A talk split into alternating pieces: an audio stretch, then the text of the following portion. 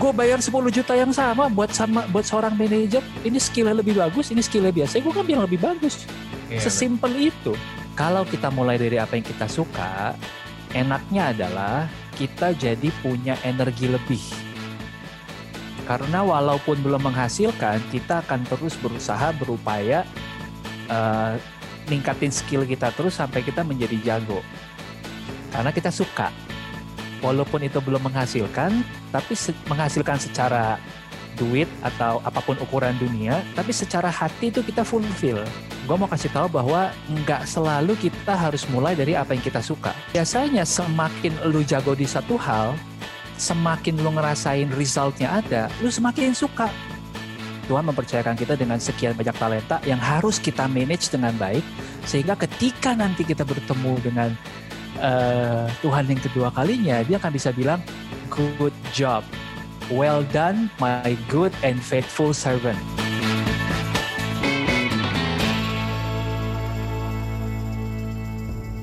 Selamat datang di podcast TAC bersama gue Acil. Nah hari ini gue akan menggantikan host kita yang biasanya nih, Manuel Marsen, karena dia sedang berhalangan hadir. Dan tentunya gue juga nggak sendiri. Kalau kalian bisa biasa lihat Manuel sendiri, gue nggak sendirian. Gue ditemani oleh Iren Gianov. Halo, Iren. Dan tentunya kita juga kedatangan tamu yang spesial banget nih. Kalau kalian suka dengerin Spotify, kalian pasti tahu yang namanya 30 Days of Lunch. Dan kita lagi bersama dengan salah satu pembawa acara di 30 Days of Lunch, yaitu Ko Felixandro Ruby. Halo Ko. halo Iren halo Acil thanks for having me ya Yes. Senang banget. Nah kok enakan enaknya dipanggil apa nih Ko? Karena yang aku lihat di story Koko kayaknya Koko nggak suka dipanggil dengan sebutan Ko, sukanya dipanggil Mas ya. sebenarnya tergantung area sih kalau saya sekarang lagi di Aceh di area Gajah Mada mungkin masuk akal dipanggil koh Oh, oke. Tapi kalau saya lagi di area eh, SCBD mungkin enakan manggilnya Mas. Gitu. Enggak lah, bercanda aja. Eh, sebenarnya itu untuk untuk apa sih? Untuk kelakar aja dengan audiens karena kalau dipanggil koh tuh kesannya udah menuju ke eh, apa namanya satu race tertentu, tapi pengen mengindonesiakan aja gitu. Kalau panggil Mas kayaknya lebih netral. Walaupun Mas juga panggilan Jawa sih, but anyway, ya itulah lucu-lucuan aja. Oke. So bebas panggil apa aja, koh juga nggak apa-apa. Hmm. Asal jangan panggil Pak. Oke. Nah, kok enaknya diperkenalkan sebagai apa nih? Jadi youtuber kah, atau jadi Hmm. podcaster kah, atau Hmm. mungkin jadi apa? Iya, jadi gue juga baru menemukan istilah ini kayak beberapa waktu yang lalu. Ternyata gue mengerjakan begitu banyak hal.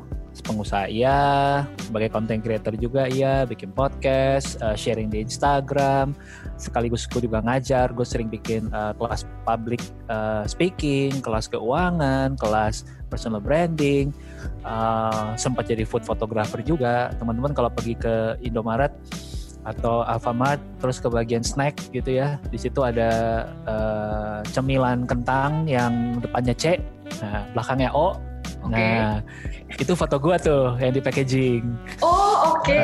Belum ketemu di kemarin pas riset nih. Nah, karena gua gua kayak mengerjakan begitu banyak hal dan semuanya gua senang ngerjain dan em, eh, impactnya gua gua rasa ada di setiap industri makanya gue juga bingung mau jemput diri gue apa gitu dan beberapa waktu yang lalu gue ketemulah ada satu kata namanya multi potential light Multi potential life. Artinya apa nih? Artinya memang di dunia ini ada beberapa uh, orang-orang yang yang memang senang ngerjain beberapa hal tertentu, kompeten, skillful juga mengerjakan berbagai hal itu, dan memang nggak bisa cuma dipatokin ngerjain satu, stres sendiri dia nanti, gitu. Karena dari dalamnya tuh pengen, eh gitu, kayak ngeluarin begitu banyak hal gitu, coba begitu banyak hal. Jadi mungkin kalau disebut untuk saat ini mungkin multi potential light. Oke, multi potential aja. Oh, oke. eh, jadi kita nih mau bahas salah satu top- topik yang menurut Hmm. aku overrated nih kok. Nah, Ya, yang overrated itu sampai jadi concern buat anak-anak muda di gereja kita Mhm. gitu. Nah, Hmm. salah satunya itu adalah passion. Nah, menurut, menurut aku passion itu overrated karena dia kayak sering diagung-agungkan gitu. Kayak misalnya orang udah punya passion di sini nih, dia kerjain terus-terus terus, eh nanti dia mikir bahwa di depannya dia bakal sukses dan berhasil gitu. Padahal belum tentu. Karena passion itu juga bagian dari hidup dan banyak juga faktor-faktor lain yang mempengaruhi hidup kita gitu kok. Hmm. Kira-kira benar atau enggak gitu?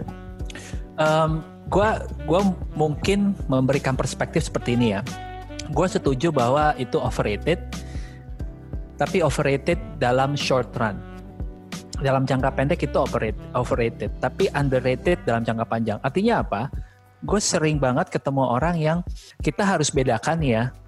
Kata passion itu sering kali kenapa miss? Karena orang lupa bahwa uh, menggunakan kata passion untuk mewakili perasaan mereka, sebuah feeling at the same time juga orang menggunakan kata passion untuk sesuatu yang mereka suka dan mereka jago. Ya. ya. Jadi beda tuh antara passion as a feeling dan passion as a strength bahasanya mungkin kalau gue sebut ya. Nah, itu dulu. Ketika kita menganggap passion as a feeling, namanya feeling comes and goes, bro. Hmm. Yeah. Hari ini lu sayang, besok bisa nggak sayang ya? Ya nggak? ya kan? Nah, nah itu makanya orang sering ngerasa jadi overrated karena begitu, karena mengandalkan perasaan saja. Nah, padahal sebenarnya harus dilihat dalam konteks sebuah strength atau kekuatan. Kalau passion yang yang dalam konteks strength atau kekuatan, artinya gue suka dan gue juga jago. Hmm. Nah, ketika ada variabel lu juga mesti jago, beda dong, ya. Artinya untuk bisa jago lu butuh taruh waktu, tenaga, pikiran, belajar terus, improve terus. Nah, ketika apa yang lu suka dan apa yang lu jago nyatu, nah ini biasanya pemahaman passion yang benar nih, yang awet gitu. Hmm. Oke, okay, berarti nah, sebenarnya passion sendiri ini oke, okay, cuma sebenarnya maknanya harusnya kombinasi antara si suka dan si jago itu. Gitu ya? Betul, menurut okay. gue begitu. Yang sering salah adalah cuma ngerasain ya, ya, ya passion karena si feeling itu aja gitu. Dan gue paham ini kenapa bisa sering terjadi mis uh, misunderstanding Ya, ya karena buku-buku tentang ini tuh banyak banget, uh, perspektifnya orang beda-beda dan uh, kita jarang ngulik secara praktis. Mungkin kalau dalam konteks uh, gereja juga mungkin aneh juga kalau khotbah satu jam ngebahas ini gitu. Jadi makanya jarang diulik sedalam itu. So di podcast ini semoga kita bisa bisa kasih pemahaman lebih mendalam. Oke, oke, oke. Nah, ini sih tadi mungkin udah dibahas kali ya, uh, bahas, yeah. bahas tentang ini di ibadah. Sebenarnya kalau dari uh, komunitas kita sendiri dari TAC itu kita ya. pernah yeah. satu bulan khusus bahas passion doang. Tapi oh, orang-orang wow. tuh anak-anak mm. tuh curhatnya sama mm. aja gitu, seputar mm. bingung mau ngapain, mau ambil jurusan mm. apa. Mm. Mm. Ya, kayak gitu. Nah mungkin uh, boleh cerita sedikit kebingungan mereka tuh biasanya apa? Hmm kayak mereka masih belum bisa pastiin yang mana yang jadi passionnya dia, yang mana cuma jadi yang dia suka aja gitu kok. Jadi kayak nggak nggak balance. Oke, okay, good, good. Um, gini, ini juga menjadi pertanyaan yang sering kali masuk ke DM gue gitu. Gue dua tahun uh, ngebahas ini di account gue Alexandro dan udah ribuan gitu yang nanya Makanya uh, gue sekarang lagi nulis buku, salah satu topik dalam buku itu ngebahas ini secara mendalam. Nah, gue kasih bocoran sedikit. Oh, oke. Okay. Makanya muncullah pemahaman baru atau understanding yang baru karena kita ngerasa passion aja nggak cukup untuk menjadi petanya kita untuk menentukan ke depannya kita mau ngapain. Makanya muncullah istilah ikigai. Mm -hmm. Tapi sebenarnya uh, diagram ikigai ini yang teman-teman sering lihat beredar kalau cari di Google Image itu sebenarnya juga uh, diadopsi dari uh, diagram purpose ya. Jadi sebenarnya ada orang yang menggambar empat lingkaran, bayangin uh, empat-empatnya ada bersilangan satu sama lain. Nanti mungkin di video bisa dikasih ilustrasinya ya. Uh, empat lingkaran itu apa? What you love, apa yang lu suka. What you're good at, apa yang lu jago what the world needs, apa yang dunia butuhkan, and what you can be paid for, apa yang dunia bersedia bayar buat lo. Nah, uh, itulah cikal bakal awalnya namanya purpose diagram. Akhirnya purpose diagram ini diadopsi sama satu orang Yang dirubah cuma kata purpose diganti menjadi ikigai. That's it. Oke. Ak- akhirnya lebih lebih populer lah ikigai diagram karena kalau ngomong purpose tuh orang berasa kayak aduh gila berat banget purpose. Tapi kalau ikigai itu kayak berasa ih lucu nih kayak bahasa-bahasa Jepang yang unik gitu ya. Iya benar. Mungkin Nah, kalau sebenarnya nggak masih ngawang kali ya kata-katanya.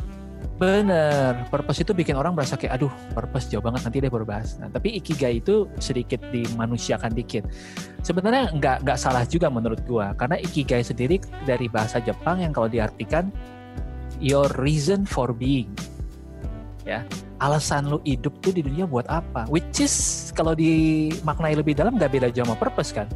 Iya benar. Right? Tujuan lu untuk hidup di dunia ini ya ya itulah sama aja gitu purpose sama ikigai hampir mirip. Nah, jadi uh, gue mau clarify itu dulu supaya teman-teman nggak salah paham. Nah, kenapa si Ikigai ini menjadi acuan yang lebih asik? Karena tadi nggak cuma ngelihat apa yang lu suka, tapi lu mesti jago. Kenapa lu mesti jago? Simpelnya gini aja deh. Sekarang kalau teman-teman yang dengerin ada yang orang tuanya punya perusahaan atau lu sendiri mau bikin startup, mau nggak lu hire orang yang biasa-biasa aja? Enggak sih. Nggak mau dong lah. Gue bayar 10 juta yang sama buat sama buat seorang manajer. Ini skillnya lebih bagus, ini skillnya biasa. Gue kan bilang lebih bagus. Iya, Sesimpel itu, right? Nah jadi lu lu lu mau bilang sama gue lu suka banget sama bidang ini, tapi lu nggak jago, eh sama aja. Gue nggak akan hire lu anyway gitu. Nah, nah itu jadi dua ya. Apa yang lu suka, apa yang lu jago, apa yang dunia butuhkan. Nah, ini juga penting. Bisa jadi kita suka, kita jago, dunia nggak butuh-butuh banget. Misal, ya contoh, eh, lo jago banget main Rubik's. Wah, skill dong. Iya, Lo suka dong. Betul. Tapi main Rubik's ini bisa diuangkan nggak atau bisa menyelesaikan masalah-masalah dunia nggak? Belum tentu, Iya, ya kan? Nah baru yang terakhir nih, what the world needs to pay, eh what the world wants to pay gitu. Eh, kalau ternyata ada orang yang bersedia, misalnya ngebayarin lo main Rubik's, ya silakan gitu. Gua nggak tahu ternyata di luar sana ada lu bisa bikin sekolah belajar Rubik's dalam 10 menit. Ternyata banyak orang yang mau bayar, gua nggak tahu juga. Bisa Hmm. jadi. Nah, itu dites makanya. Nah, buat teman-teman yang sekarang bingung ya, gue mau kasih tahu bahwa nggak selalu kita harus mulai dari apa yang kita suka. Ah, oke. Oh, Iya benar. Nggak selalu. Nah, itu juga misconception yang pertama. Kita sering ngerasa karena yang digaung-gaungkan passion, oh gue mulai dari yang gue suka dulu. Gitu. Nggak selalu. Karena gue juga banyak ketemu orang yang mulainya dari mana? Yang dia jago dulu. Dia Sebenarnya belum. Kenapa? Jago bukan tapi- bukan nggak suka. Gini, suka itu sering kali ada hubungannya dengan seberapa jago kita. Oke. Ini bisa jadi kita di awal-awal nggak suka-suka banget. Ambillah satu bidang. Misalnya Acil, lu sekarang lagi suka apa, Acil? Suka otomotif. Otomotif misalnya gitu kan. Eh, sukanya di bagian apanya otomotif? Jualan otomotif, ngutak-ngatik otomotif, mesinnya, atau Kayaknya jualan deh kok. Karena kayak menarik gitu untuk jual yang teknologinya yang terbaru dengan yang lama gitu. Jadi kita bisa belajar banyak gitu. Oke, sip. Berarti lu ngomong sekarang jualannya dong. Iya. Right. jualan. um, kalau lu berangkat dari yang lu suka, lu baru suka kan sekarang Iya. jualan. Tapi lu belum tentu jago jualan kan, Iya benar. right? Kalau gue tanya lu sekarang, lu setiap bulan udah jual berapa mobil? Belum tuh. Nah, exactly.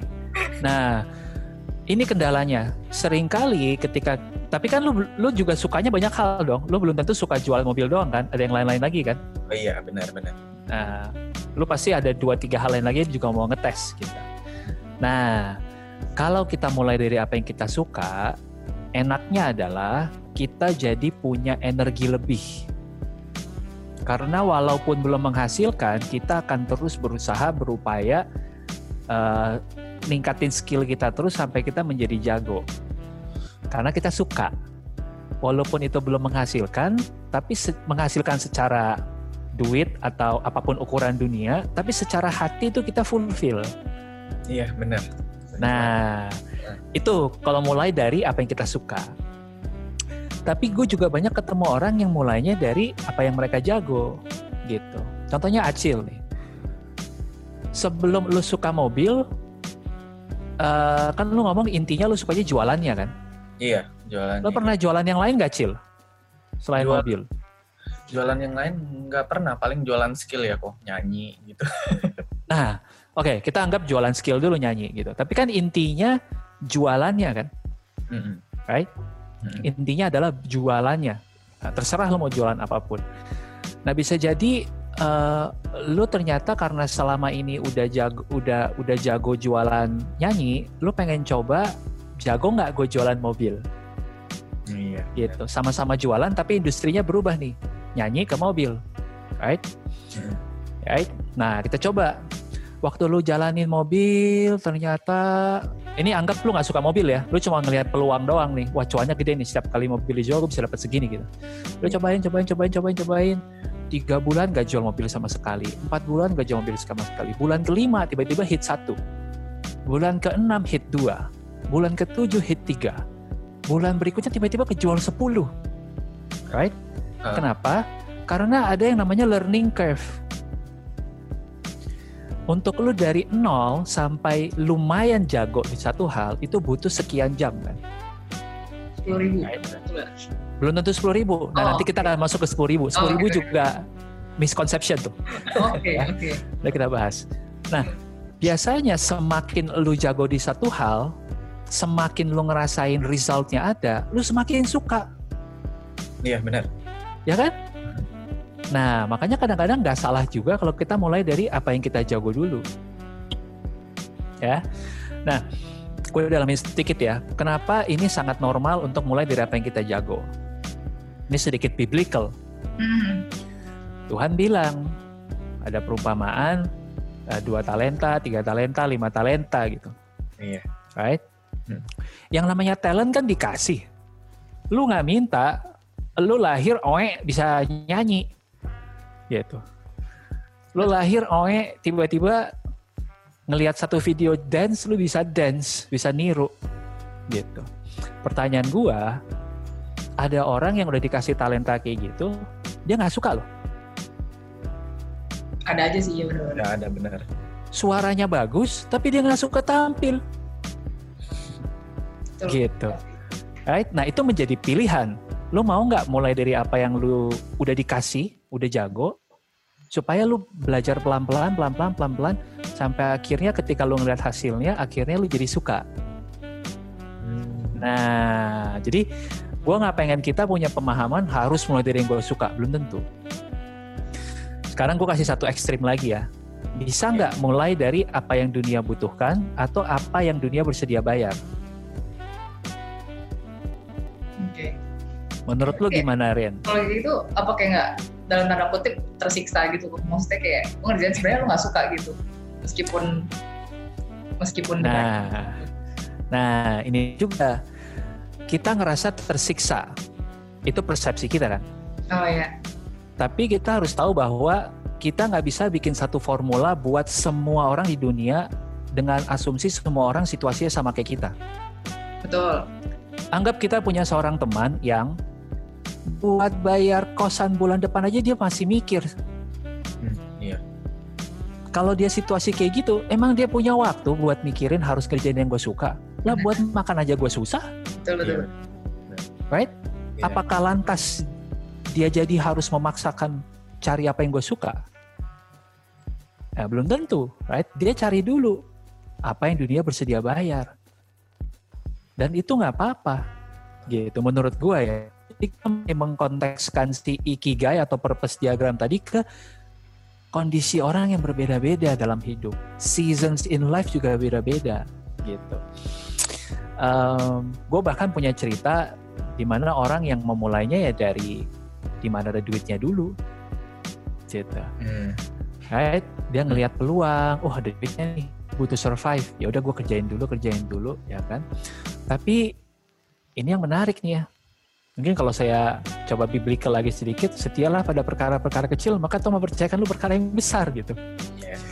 waktu dia ngerjain yang perintilan-perintilan yang kecil yang cuma sekedar survive dia nggak nemuin dia nggak nemuin keseruannya karena buat dia itu cuma sekedar bisa kasih dia makan besok gitu.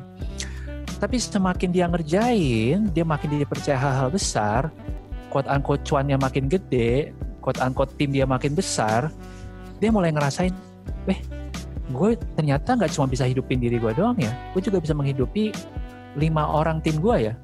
Gue mulai ngerasain ada kesenangan nih, kayak apa yang gue kerjain jadi ada maknanya. Yang tadi cuma buat gue, sekarang jadi buat tim gue lima orang. Nah again, berangkat dari apa yang dunia butuhkan atau apa yang tidak bisa dia bayar pun, ujung-ujungnya bisa ngarah ke apa yang kita suka, gitu. Nah jadi journey-nya orang beda-beda. So buat teman-teman yang nggak dengerin, it's totally okay uh, untuk mulai dari salah satu dari empat itu. Uh, yang penting teman-teman tahu konsekuensinya masing-masing aja, gitu. Sorry, biar nggak kepanjangan soalnya kayaknya gue excited banget. It's okay, it's okay. Oke, oke, oke, mantap. Nah, aku mau kasih tahu buat teman-teman juga nih, kalau misalnya kalian pengen tahu lebih dalam tentang Ikigai, kalian bisa dengerin di podcastnya 30 Days of Lunch di episode 12 di season pertama dan episode 16 di season kedua. Bener ya, kok? Hmm, betul, betul, betul. Thank you loh, udah ngangkat ini. Uh -uh. Iya dong. Nah, uh, kan Korobi udah sering banget bahas kan, maksudnya udah pernah menjalani sekian banyak role sampai saat ini. Hmm, hmm. Maksudnya uh, terakhir aku baca, waktu itu aku baca 9, terus ternyata aku baca lagi ternyata lebih dari 10 gitu kan sebelum sampai ke tempat yang sekarang. Gitu. Yeah. Justru, uh, oh, mungkin sebelum dari sini, justru aku tahu Korobi pertama kali dari Kapten Ruby, bukan dari Hmm. ini sih. Maksudnya nggak ngikutin, cuma aku tahu kalau misalnya ada Kapten Ruby gitu. Hmm. Setelah itu aku dengar podcast, terus pas cari tahu, oh ternyata ini yang dulu Kapten Ruby gitu ya. Ternyata it's the same guy, gue tertipu. Iya, iya. Terus uh, maksudnya cuma pengen nanya sih, maksudnya selama pencarian itu berarti dari satu pencarian ke pencarian yang lainnya, apa sih yang dicari? Maksudnya kurang klik kah atau kayak gimana sih? Oke, nah ini masuk ke bahasan berikutnya nih. Hmm. Kita mulai ngomongin uh, satu bahwa yang namanya ikigai tadi atau passion tadi yang gabungan antara what we love and what we are good at itu juga sepanjang seasons in life kita, musim hidup kita itu bisa bergeser, bertumbuh, berkembang atau bahkan berubah. ya. Jadi saya mulai dari spektrum yang paling basic, bergeser, berkembang atau berubah gitu ya, yang paling ekstrim. Nah, eh, itu nggak bisa dipungkiri teman-teman dan kita harus menerima itu gitu. Contoh simpelnya gini deh, waktu lu kecil kalau ditanya sama orang tua lu, kamu gede nanti mau jadi apa? Mau jadi gede apa Ren? Waktu itu dulu jawabnya, Dokter, dokter. Sekarang kamu ngapain? personal asisten. Nah ya udah, ya kan? Dari kamu kecil ke kamu sekarang aja udah berubah. Masa kita mengexpect 5 tahun, 10 tahun dari sekarang kita juga tetap yang sama? Enggak kan? The only thing that is constant in life adalah change itself. Yep. Kadang-kadang bukan kita yang mau berubah juga, dunia memaksa kita berubah. Ya, bayangin sekarang nih ya, beberapa pekerjaan-pekerjaan yang menurut gua dalam beberapa tahun ke depan sudah diprediksi oleh World Bank, sudah diprediksi sama World Economic Forum bahwa akan akan terkikis sama teknologi gitu. Ya, misalnya eh, role perencanaan keuangan gitu.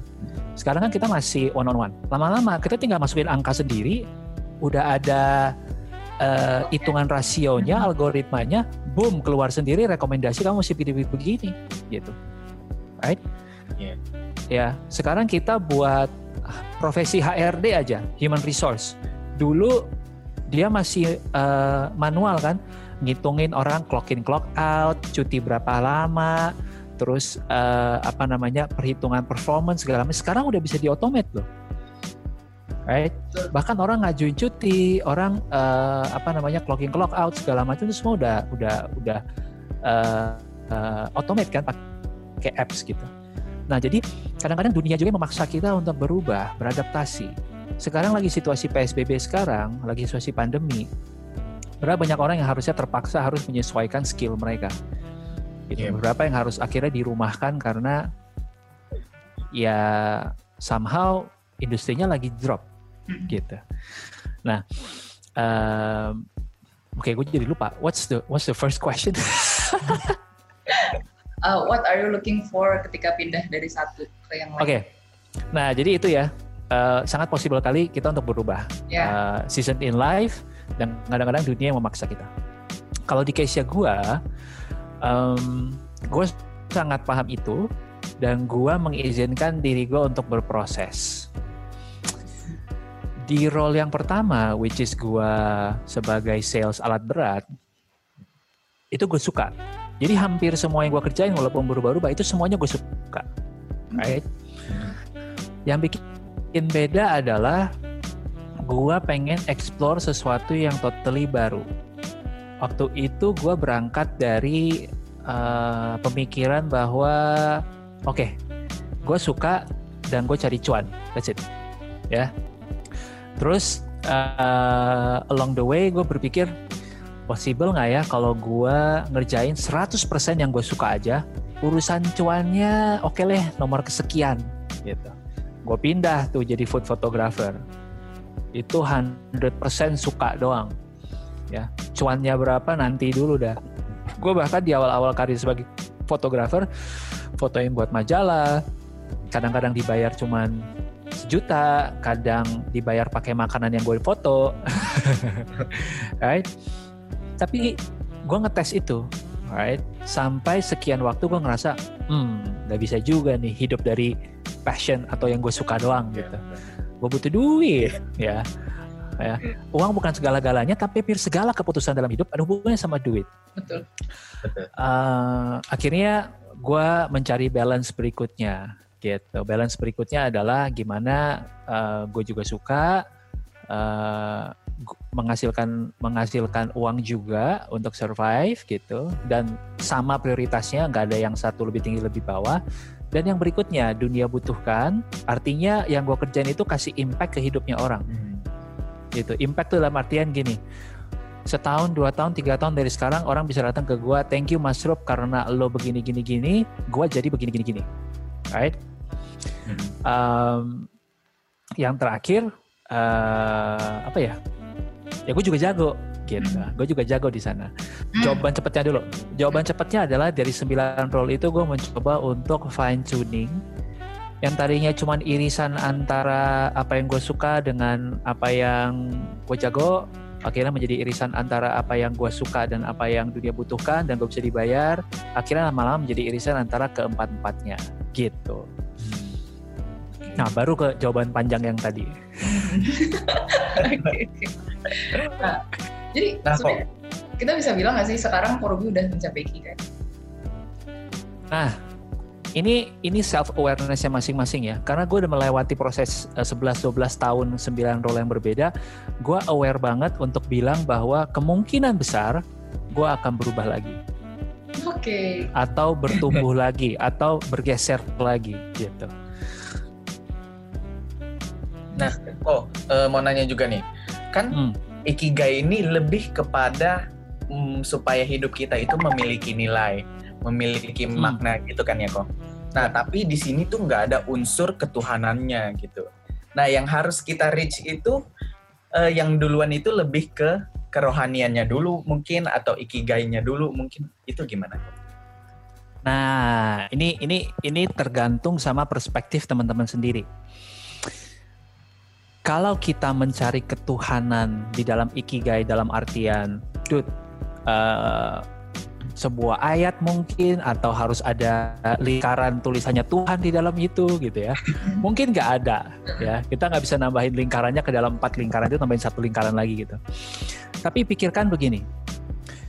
Uh, gue senang banget makanya uh, di dalam uh, gue lupa Matius 22 ya atau kayak kayaknya sih di mana ditulis bahwa uh, kasihilah Tuhan dengan segala kekuatanmu hmm. uh, apa ya mungkin dalam bahasa Inggrisnya ada gue lebih hmm. ingat eh. sok mau ditranslate soalnya gue seringnya baca Bible tuh the message version jadi kayak oh, ya.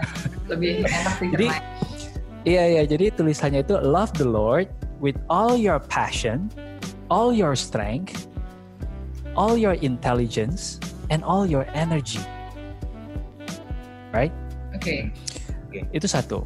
Yang kedua tadi kita udah sempat ulik sebentar uh, apa namanya uh, parabel yang Tuhan mempercayakan kita dengan sekian banyak talenta yang harus kita manage dengan baik sehingga ketika nanti kita bertemu dengan uh, Tuhan yang kedua kalinya dia akan bisa bilang good job. Well done my good and faithful servant. Right? Yes. Nah artinya gini ketika kita mengerjakan empat hal tadi apa yang kita jago, which is kemungkinan itu sesuatu yang udah Tuhan tempatkan dalam diri kita. Apa yang kita suka itu juga datangnya gue percaya datangnya dari Tuhan. Dan kita bisa bermanfaat buat dunia, gitu. Itu menurut gue kita sudah menjalankan yang tadi dua itu, ya kan? Uh, kita udah memanage talent kita dengan baik supaya nggak terbuang percuma dan bisa bermanfaat buat orang lain. Menurut gue sisi ketuhanannya di situ yang pertama. Dan yang kedua, uh, dengan kita apa namanya, dengan kita hidup uh, akan strength kita, menggunakan passion kita untuk untuk dunia, secara nggak langsung kita menjadi living Bible yang orang-orang bisa ngelihat. Ini kenapa ya gue ngeliat si Iran ini sama Acil ini hidupnya beda banget ya kayak, dude, this guy is doing so much not just for himself but also for people around him gitu. Dan menurut gue itu yang lebih penting. Bukan hanya lu berapa jam pelayanan di gereja, uh, lu berapa hari standby pelayanan, lu wah gila lu ada di berapa lu ada di berapa divisi hmm. gitu. Menurut gue uh, you can practice that at church, but you can also practice that in real life gitu. So menurut gue sisi ketuhanannya di situ. Menurut gue ya. Eh Oke. Wah, oke oke. Uh, ke mana aku kepikiran pertanyaan ini sih kok? Gimana kalau misalnya hmm. si ikigainya ini secara tidak langsung bertentangan sama firman Tuhan? Misalnya Contoh. nih, misalnya uh, mungkin nggak full nggak full semuanya semua diagramnya gitu ya. Tapi misalnya nih, yeah, yeah, yeah. Uh, banyak yang prank aneh-aneh tuh kok. Hmm, hmm. Maksudnya mungkin dia seneng seneng ngerjain orang, ada orang yang ngebayar untuk ngeliat ads karena dia prank aneh-aneh, something like that gitu sih. Oke. Okay. Uh, eh, kita mesti ngelihat kita mesti ngelihat menurut gua um, in a bigger picture-nya. Hmm. Uh, kalau kita bicara prank yang benar-benar prank as in ya mungkin kita pernah ngelihat ya ada orang yang secara tidak sensitif ngerjain babang ojol uh, bikin fake order terus habis itu baru itu menurut gue memain-mainkan perasaan orang. Uh, menurut gue itu itu bukan tontonan gitu. Tapi kalau kita prank ibaratnya kayak pernah nonton gak sih dulu zamannya MTV ada Aston Kutcher gitu yang ngebecandain selebriti uh, pura-pura mobilnya dirusak ditabrak orang gitu tapi ternyata bercandaan doang dan entertainment. Terus orangnya ternyata nggak masalah juga gitu karena mereka tahu ini for fun gitu. Um, menurut gue it's it's okay karena si subjeknya sendiri juga juga paham gitu. It's it's it's for fun gitu. Dan it's an entertainment yang masih dalam batas. Um, at the same time kalau kita ngelihat dari sisi sebaliknya uh, si seleb atau siapa pun yang di prank ini kan jadi menambah popularitas gitu ya malah bisa jadi in the long term cuan buat dia gitu. Wah, video gue yang di prank ini ditonton 20 juta orang, habis itu followers gue bertambah satu juta. You'll never know. Ternyata itu impactnya positif buat dia gitu. Right? Jadi um, menurut gue itu uh, gue sulit untuk berkomentar karena ujung-ujungnya itu urusan hati. Um, kita semua tahu lah batasannya ya antara mana yang sebenarnya udah mulai area berbahaya sama area yang menurut gue masih positif gitu. Um, dan gue yakin teman-teman yang ngedengerin di sini juga cukup dewasa untuk bisa ngebedain itu. Oke oke. Nah, oh mau nanya juga nih, kan hmm. ikigai ini secara nggak langsung bisa dicapai orang di umur berapapun gitu ya? Iya. Nah, kalau gimana sih stepnya, step awalnya supaya orang bisa mencapai ikigai gitu? Step awalnya hmm. gitu supaya stabil antara irisan-irisannya misalnya ada passion, ada sesuatu yang dikerjakan dan sebagainya gitu. Ya, ya. Mungkin oh, ini Oke, kali ya, jadi kita kasih gambaran sedikit. Mungkin teman-teman eh, jemaat TIC itu kebanyakan start dari SMP sampai kuliah. Mm. Oke. Oke. Em, ini teman-teman. gua ngelakuin riset di Instagram gua dari 1500 orang gue tanyain berapa banyak di antara lo semua yang jurusan kuliahnya sama pekerjaannya itu sejalan ya Iya. atau jurusan kuliah lu sama yang lu kerjain sekarang kagak ada hubungannya tebak hasilnya berapa Yang pasti lebih banyak yang nggak nyambung. Iya, yang ada Exactly. 70% dari 1.500 orang itu bilang kagak nyambung bro.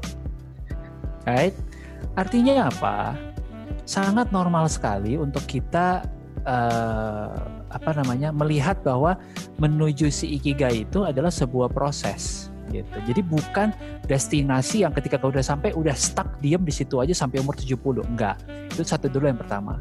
Jadi izinkan diri lo untuk berproses gitu.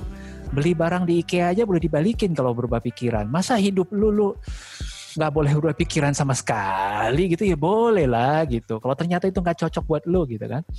Nah itu yang pertama. Yang kedua buat teman-teman untuk bisa memulai uh, mencari tahu adalah ya tentunya akan sangat kebantu sekali kalau teman-teman dekat juga dengan yang di atas. Karena biasanya suara-suara yang datang dari situ, arahan-arahan, tanda-tanda yang datang dari situ lebih akurat tuh. ya. Dan tapi kalau kita ternyata ngerasa, aduh tapi uh, Korubi gue kan nggak baca Bible atau gue nggak sedekat itu sama Tuhan, terus bagaimana?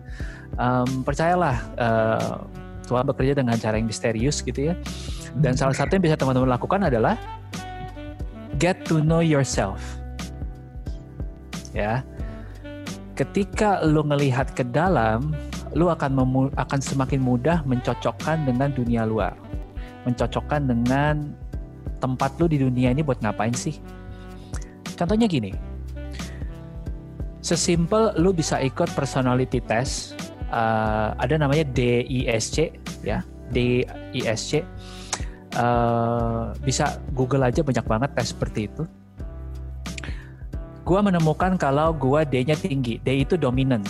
Artinya biasanya tipe-tipe leader tipe-tipe orang yang senang problem solving decision makingnya tuh cepet bla bla bla gitu ya. Uh, I-nya gua rendah.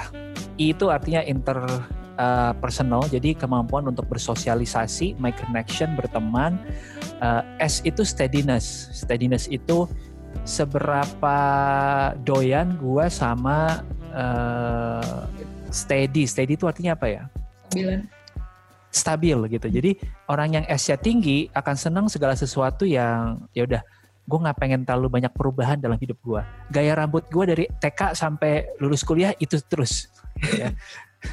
Gue mau yang sesuatu yang aman dan konsisten. Nah itu steady itu biasanya ya, kalau steady-nya tinggi. Gue kebetulan steady-nya agak rendah. Artinya apa? Gue cukup bisa menerima uh, perubahan. Gue cukup bisa beradaptasi. Gue cukup senang uh, segala sesuatu yang dinamis. Lalu terakhir C. C itu conscientiousness. Conscientiousness itu kecenderungan kita untuk taat pada rules, aturan.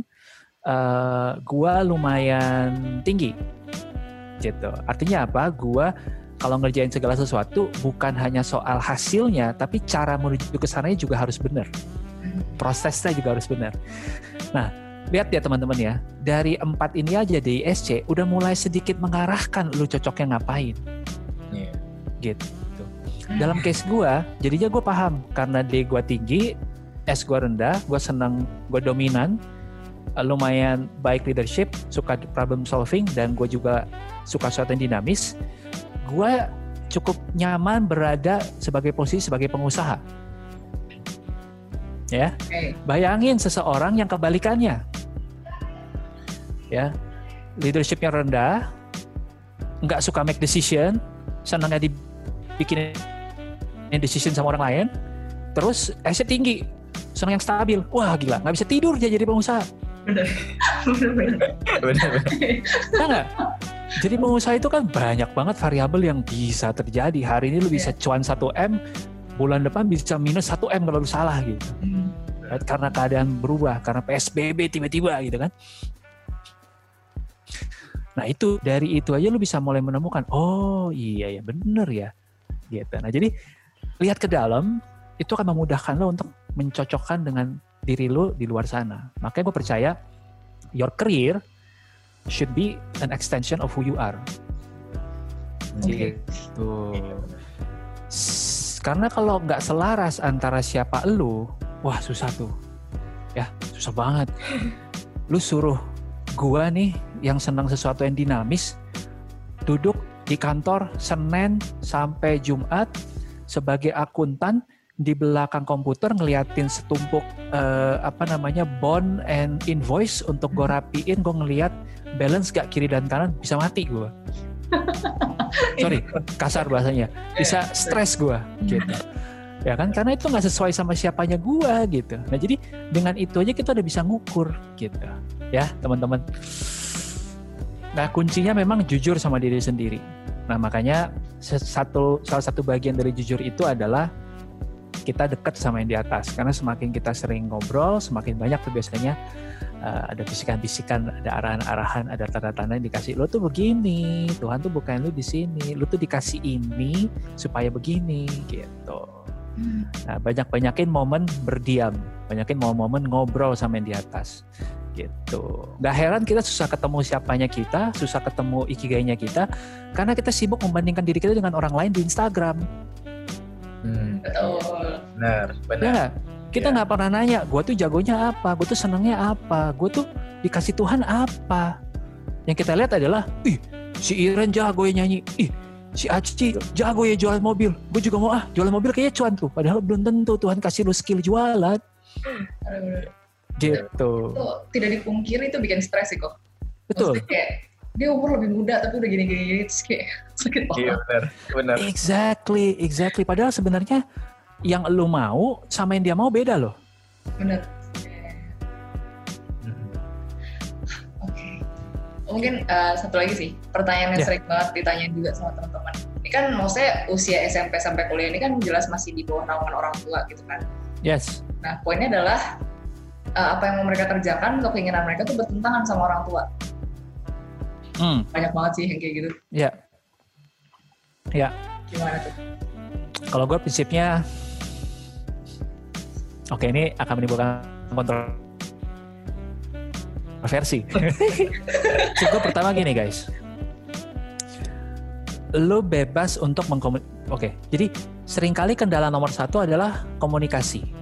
Ya, sebenarnya orang tua itu pasti pengen sesuatu yang terbaik buat anaknya ya nggak mau lah ya. Uh, eh, gue punya anak juga anak gue sengsara gitu. Anak gue kayak susah hidupnya. Gue pasti pengen sesuatu yang baik buat dia. Nah kendalanya adalah apa yang menurut orang tua baik buat kita kak sering kali kita belum bisa ngelihat itu. Ya. Karena emang kita belum nyampe ya kita baru 17 tahun bro. Dia udah 42 gitu yeah. right? Wisdomnya beda gitu. Makanya komunikasi pun juga nggak nyambung gitu. Buat mereka itu baik buat kita enggak ini bukan gua gitu. Nah jadi kunci pertama adalah ngobrol right? Untuk mencari tengahnya. Makanya ini podcast nggak bisa didengerin cuma kamu doang. Mesti didengerin sama orang tua kamu juga. Gitu. Nah buat orang tua yang dengerin ya kuncinya juga adalah untuk melihat bahwa setiap anak itu dilahirkan itu dengan punya punya ikigainya mereka masing-masing kasarnya gitu. Right? Uh, jadi kita tidak bisa memaksakan juga. Kalau ternyata misalnya yang sering terjadi adalah orang tuanya pengusaha udah punya bisnis right? Mungkin Sehingga bisa sekalian disentil ke Acil ya kali kok. Acil begitu ya Acil ya? Sehingga orang tuanya langsung kayak oh papa udah bikin bisnis ini gede 20-an tahun digedein ya ini buat kamu. Buat siapa lagi perusahaan ini kalau nggak buat kamu? Gitu. Nah muncul nih konflik ya kan? Sementara si anak nggak bisa pak. Aku tuh dikasih Tuhan talenta nyanyi. Bapak mau? Aku setiap kali meeting di kantor kerjanya nyanyi. Kan nggak nyambung gitu. Nah jadi um, itu yang yang perlu diobrolin gitu. Nah, buat buat si orang tua untuk kasih tahu untuk tahu bahwa si anak ini punya jalur hidupnya sendiri masing-masing yang berbeda. Tugas kita sebagai orang tua adalah memberikan mindset, tools, sama support supaya mereka itu dari dependent atau ketergantungan sama orang tua menjadi independent. Right? That's it. Menurut gue orang tua itu sebatas itu. Ya. Um, ketika lu bisa bikin anak lo dari dependent menjadi independent, your job is done. Oke. Okay. Yeah, gitu.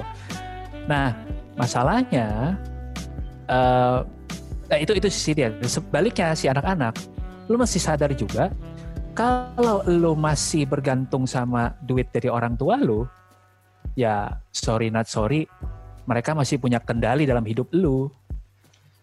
Hmm. Gitu. Right? Yeah. Ya nggak? Ya benar. Gitu. Nah jadi jangan juga di umur 17 nggak bisa pak. Gua pokoknya mau jadi penyanyi. Gua keluar dari rumah hari ini. Lalu besok makan pakai apa? gitu. Ya, lu masih bergantung. Makanya tadi dependent ke independent. Right? It's a process. Nah ketika lu udah bisa menunjukkan lu independent, lu bisa bilang dan ada obrolan sama orang lu kayak gini, Pak, gue misal nih ya kasusnya Acil misalnya Acil nih dia lulus umur 21 terus papa dia minta dia kerja di kantor ladenin dulu. Hmm. tapi bukan berarti Sabtu Minggu lu nggak bisa kerjain yang lu suka kan? Nggak yeah. bisa kerjain yang lu bilang quote unquote passionnya lu kan? Pulang kantor masih sempet nggak? Sempet kalau mau gitu. Itu yang gue lakukan.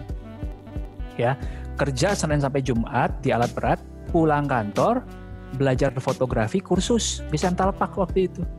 Selesai kursus, tiga bulan kemudian gue mulai jualan jasa gue fotografi. Fotonya kapan? Sabtu Minggu. Hmm. Right?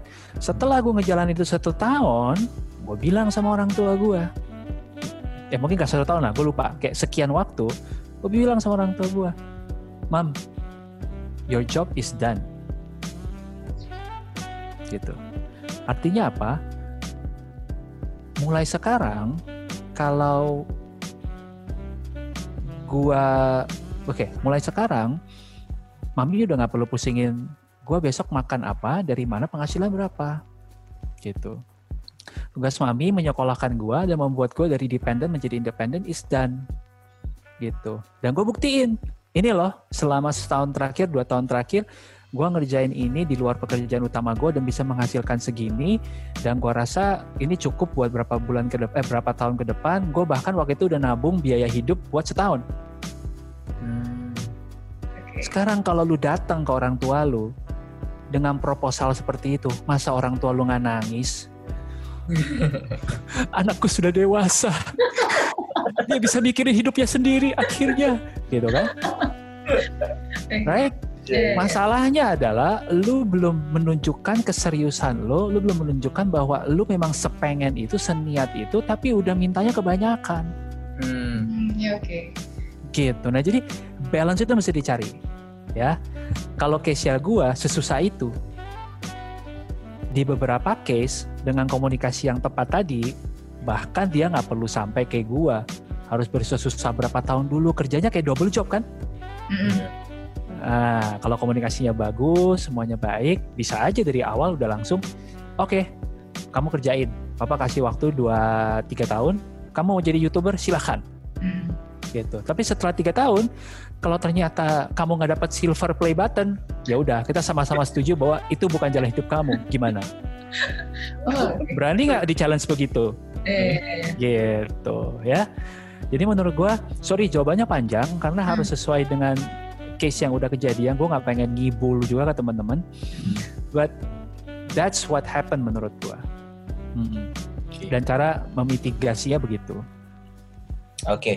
thank you banget kok udah luangin waktu hari ini buat kita kita. Mohon maaf kalau misalnya ada salah-salah kata gitu ya. Hmm. baru perdana nih kita berdua. Gak apa-apa, gue sangat enjoy sekali obrolannya. Uh, seru, seru, seru. Thank you for having me. Oke. Okay.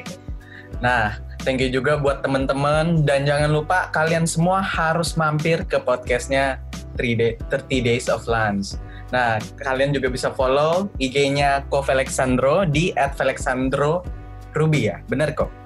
At Felixandro, ya nama oh. depan aja. Oh, at, hmm. at Felixandro ya. Oke, dan jangan lupa juga nonton konten-konten kita yang lain karena kita nggak cuma ada podcast, tapi juga ada cover dan ada sharing-sharing yang lainnya. Dan juga jangan lupa like, subscribe, and comment di bawah. Dan juga bisa di-sharing juga ke teman-teman yang lainnya. Oke, sampai ketemu lagi di konten berikutnya. God bless you.